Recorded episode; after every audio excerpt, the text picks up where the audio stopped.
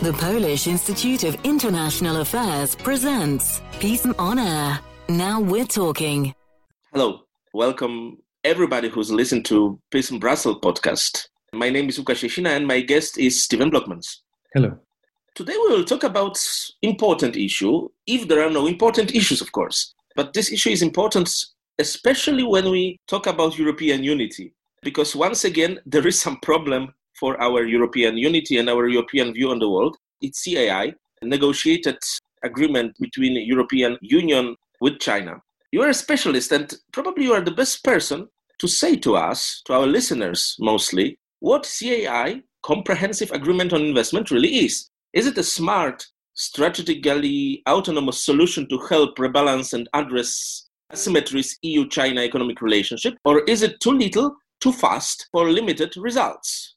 Right. Well, there's an implicit drive within your question, of course. I mean, first of all, in, in an objective sense, the EU China Investment Agreement, or, or CAI, SAI, as you want, is a one of a kind type of agreement. It, it is an investment uh, treaty which is going to replace, or at least that was the ambition, the individual bilateral investment treaties that the member states have concluded over time with China. However, because of the limited scope of this agreement, it is fair to say that, uh, and, and, because of the fact that the, uh, especially the investor to state disputes resolution mechanisms are not included, the envisaged EU China investment deal, it is fair to say that it will coexist with the existing bilateral um, deals that the member states have.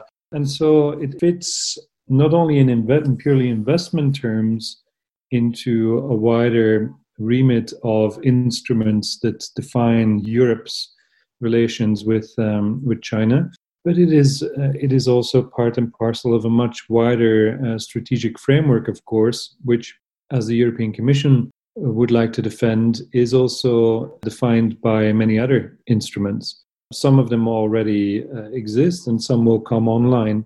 Often reference is made to the security uh, screening mechanism by which foreign direct investment from China inbound into the single market is screened on national security grounds. And in the past, this has caused problems, of course, uh, and takeovers by Chinese uh, state owned or state supported companies of you know innovative tech businesses in Europe have been stunted as a result. But there, there's more coming online in terms of prevention of coercive measures by third states, therefore including China. And of course, on subsidies and subsidy control, there will also be quite a bit of quite a bit of innovation in the regulatory sphere coming. So, to go to your question, is this you know is this a smart deal? Is it an all-encompassing deal? Well, it is not the latter for sure. And looking at the, the wider strategic remit that the EU has defined for its relations with China, which is, you know, one in a March 2019 document whereby China is described at the same time as an economic collaborator and partner, a negotiating partner on, uh, on also international uh, issues, global governance issues. It is at the same time also a systemic rival. What this deal shows is that the European Commission of course, with a mandate given to it by the member states, albeit seven years ago, has negotiated a deal which is favorable for business interests in a way, but which, even if the Commission would like us to believe that the sustainability uh, provisions are quite strong in that agreement, both on environmental protection as well as labor and human rights standards, the lack of enforcement of those mechanisms really suggests that this is a purely investment treaty and not so strong on the issues which have defined in more geopolitical terms China's posture over the last couple of months vis a vis Hong Kong, vis a vis the Uyghur situation, vis a vis the South China Sea and Taiwan. And so, for that reason, partially the, the deal has been criticized for its strategic myopia can you, as a European Union, indeed on, on Monday conclude an investment deal and on Tuesday wrap China over the knuckles, you know, for its poor human rights uh, record? Is that a coherent strategy, you know, or is it mere cherry picking?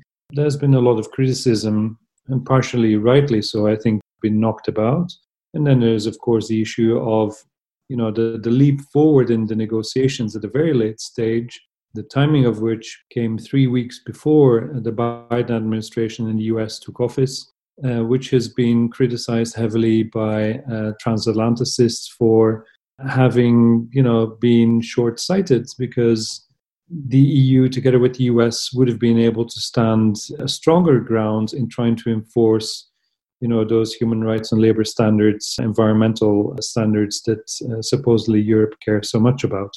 You already mentioned that but what was really included in cai how will it change european union china economic relations and situation of all european companies in china is that a sign of real reciprocity in eu china relations well, I mean, looking at the content of the agreement, I think there's three main building blocks that one should look at. Mm-hmm. The first one would uh, concern market access, which is generally perceived uh, also by the critics and the China hawks as, you know, mildly successful in having attained the negotiation objectives that the Council set out for the Commission in its negotiations with uh, with China. Overall, you know, the EU is content for having achieved far-reaching, is what they say, market access commitments in manufacturing, including telecom equipment, that China has not given to any other partners, that matches concessions also in the financial service sector, those that have been made by China to Trump when he pressed for his so called phase one agreement. And so it levels, you know, the, the Europe out with the US in terms of market relationship. With China, puts it almost at the footing in the automotive sector, which comprises 28% basically of European exports uh, to China, China has agreed to remove and, and phase out joint venture uh, requirements and, and commit market access for new energy vehicles, even if there are preconditions attached to that as well. I think by and large, this first pillar of the agreement has been welcomed. The second pillar concerns the level playing field, which is, you know, the the market access and market operator rules. Sorry, the market operation rules that apply uh, once market access has been granted, which includes WTO plus commitments and also a specific enforcement mechanism. Most favored nation treatment. I think here the jury is still out, and there's a lot more criticism, especially for you know the uh, the, the lack of enforcement in terms of bringing state-owned enterprises and, and, their industrial subsidy secrecy in a way to heel. I mean, there are provisions included on more transparency in this uh, in this respect. When there is a sympathetic consideration, basically on both sides of of the agreement, you know, for requests to information sharing, etc. But we know from from past practice over the last couple of decades that uh, the China has a very poor record, you know, fulfilling its commitments in this respect.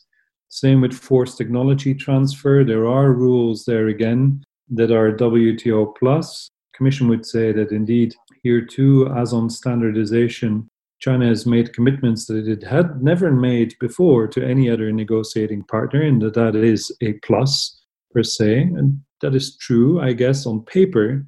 But the proof of the pudding is in its eating, of course. And uh, if implementation falls behind, then a lack of enforcement mechanism really shows, you know, the the limited nature of this uh, of this agreement. And finally, sustainability.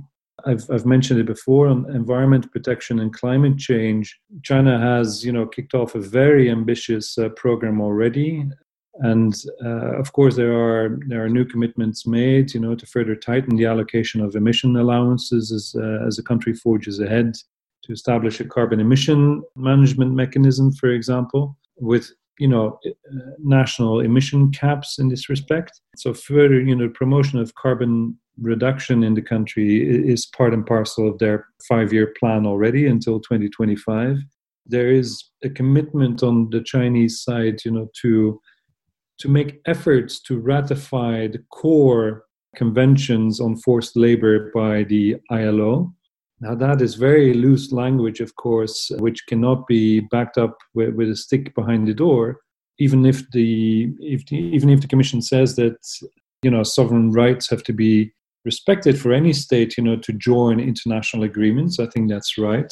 But in their hope that China would show concrete progress in this respect in the next two years that it would take, you know, to prepare the deal which has been concluded in principle, which needs to be legally scrubbed, which there's a rendezvous clause, you know, to to add investment protection and, and dispute settlement uh, in investment clauses still to this particular text.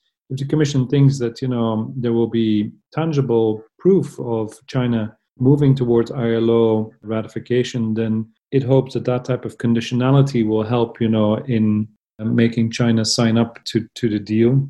That that all remains to be seen. So th- this goes back to my earlier point, both in, in content and I think which is limited and slightly different from existing uh, investment treaties, as well is as in the you know the lack of teeth really included in the in the agreement, which relies essentially on first state to state diplomatic uh, dispute settlement before an arbitration procedure, which of course needs to rest on on common agreement between the two parties you know as far as the composition of the panels are concerned, for example, that that that lack of teeth ultimately is is you know a cause for worry about about the significance of the deal. Final point, I think, uh, going to your point on on economic relevance. Yeah, sure. I already mentioned the automotive sector, which is which is huge, and telecoms and chemicals are included in this respect as well. But one cannot help but observe that in the last couple of years, since 2016, and especially in 2019, Chinese inbound investment into the single market of the European Union has about halved. At least that was about 2019, and it's followed basically that downward trend since 2016. And for the first time, Chinese investments into, into the European single market are lower than those into the US uh, market. So, is this an asymmetric deal? Perhaps. Is it a big deal? Perhaps not so much let's say, important for us and especially our Central European point of view, why European Commission decided to fast track these negotiation and finalize it until the end of the previous year. It is just an interest of German presidency, like many people here say, or something more. Why this whole process was so untransparent with very little information from EC or CAI during the December's negotiation, and how we can interpret the role of French President Emmanuel Macron. Yeah, those are very good uh, political questions. I mean, indeed, if you compare the level of transparency which was attributed under the negotiations with the US, which over TTIP in the end, but also with CETA over, over Canada, perhaps even over, over Japan, then the negotiations on this investment treaty have not excelled in terms of uh, transparency. Of course, the member states are being kept in the loop by DG Trade and its lead negotiators in, in detail, but as far as I gather from, from my own sources, they at a, only at a very late stage got to see you know the texts that had been agreed to uh, in Coreper, and uh, basically the German presidency was indeed steamrolling member states as far as their individual concerns were you know on on ILO standards, for example, human rights protection or Hong Kong in general. Uh, security issues are, are concerned. And so, yes, there was clearly a German uh, interest, not just you know for the legacy of, of uh, Chancellor Merkel and and the rotating presidency of Germany of, of the Council, you know, to score a success. Pure economical Sorry? interest, or is it a pure economical interest? Yeah. Well, I think no, it's political in part, and then of course there's an economic interest as well. I mean, Germany has China as its biggest uh, export market, and it's obvious that you know, given the preconditions that are attached to some of the inbound investments in China. It's not so much the SMEs, but big companies, especially in the automotive sector that I mentioned before, that benefit. And here you have big German car makers whose interests are, of course, you know, protected in that sense. So it's obviously a mix of, of both political, geopolitical, as well as uh, domestic economic interest of Germany, combined with, you know, uh, France, uh, indeed another dovish member state, one could add, big member state, you know, securing its own interest. It was a bit strange indeed to see um, on the 30th of December a, a, video conference with Xi Jinping on one side and then four European leaders on the other side. One can understand three of them the European Council president for political uh, issues, the Commission president for obviously the technical and trade aspects, investment aspects of this deal, perhaps indeed the German presidency, Chancellor Merkel, you know, for her role in that uh, capacity. But then uh, why Macron at the table? And here it's been alluded to that France and Macron in particular, uh, you know, against the will of some of his own parts of administration, and I've heard complaints from Quai d'Orsay in particular that you know that, that got basically lured into this type of symbolism in, in concluding in principle the negotiations with a you know prospect of finalizing and signing uh, the agreement once all the bits and pieces have been added and the text has been legally scrubbed in 2022 when France holds the rotating presidency of the of the of the council so yes, I mean there, there's a whole raft of interests uh, that that come at play. It's it certainly doesn't deserve a, a, beauty prize for the way this has come about.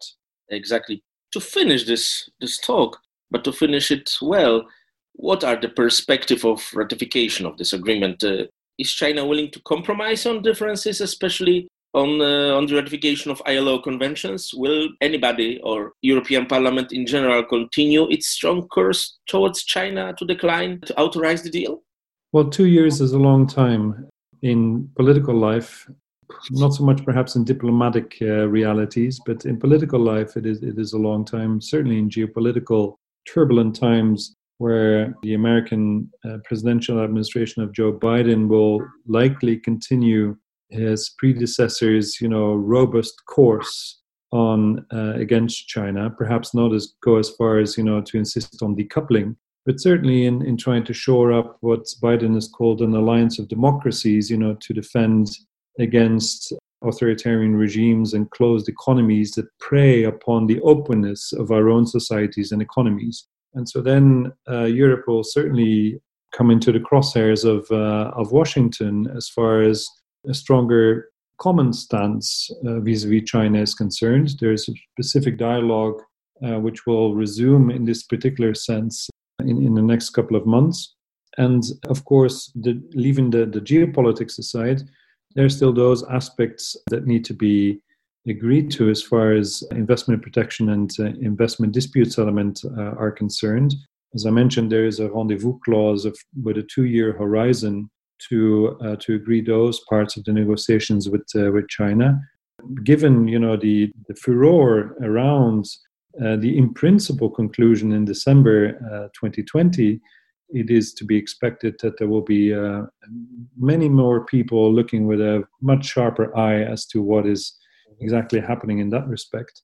Now, as far as ratification is concerned, uh, the, the, Commission has been eager to rely on exclusive competences attributed by the member states under the treaty terms to uh, the EU, so as to avoid the type of CETA, Canada style, you know, multi level ratification process, not just uh, by the European Parliament at supranational level, but also at national level in each of the member states, some of which have, of course, as famously shown in Belgium with the Walloon holdout over the ratification of the CETA agreement with Canada, have powers whereby, you know, like the tail wagging the dog, an extremely small part of the European Union can can hold back ultimately the, the full ratification of, of a strategically important uh, EU deal with uh, with a global power. The, the, Commission is keen to avoid that scenario from uh, from happening, and it will have to stay clear from uh, the mixity that uh, that creeps into uh, the competence area in, in, terms of especially dispute settlement and investor states. Dispute settlement, in, in, particular, has been excluded by the court in this respect. So, all of this to say that on, on geopolitical, domestic political opposition grounds, as well as uh, purely legal grounds, um, there is there's still a lot you know that provide a, a spanner in the work against the uh, work against the, the, full ratification on time of this agreement. It, it may take well, certainly take more than two years. And if the, the geopolitical sands shift much more quickly, then this deal might not see the, the, the light of day, you know, at all. That is what, of course, the Commission would like to prevent. And I'm sure they will they will be smart in trying to carve out, you know, uh, their way so that the deal could be ratified by the European Parliament. But expect opposition from that side in the coming weeks and months. probably there will be a next opportunity to talk about this. Whatever will be, will be. Special thanks for person who don't participate, Dr. Marcin Przychodniak from our institute to advise me what questions to ask. Thank you for Steven Blockmans for being with us. My pleasure. Thanks for calling on me.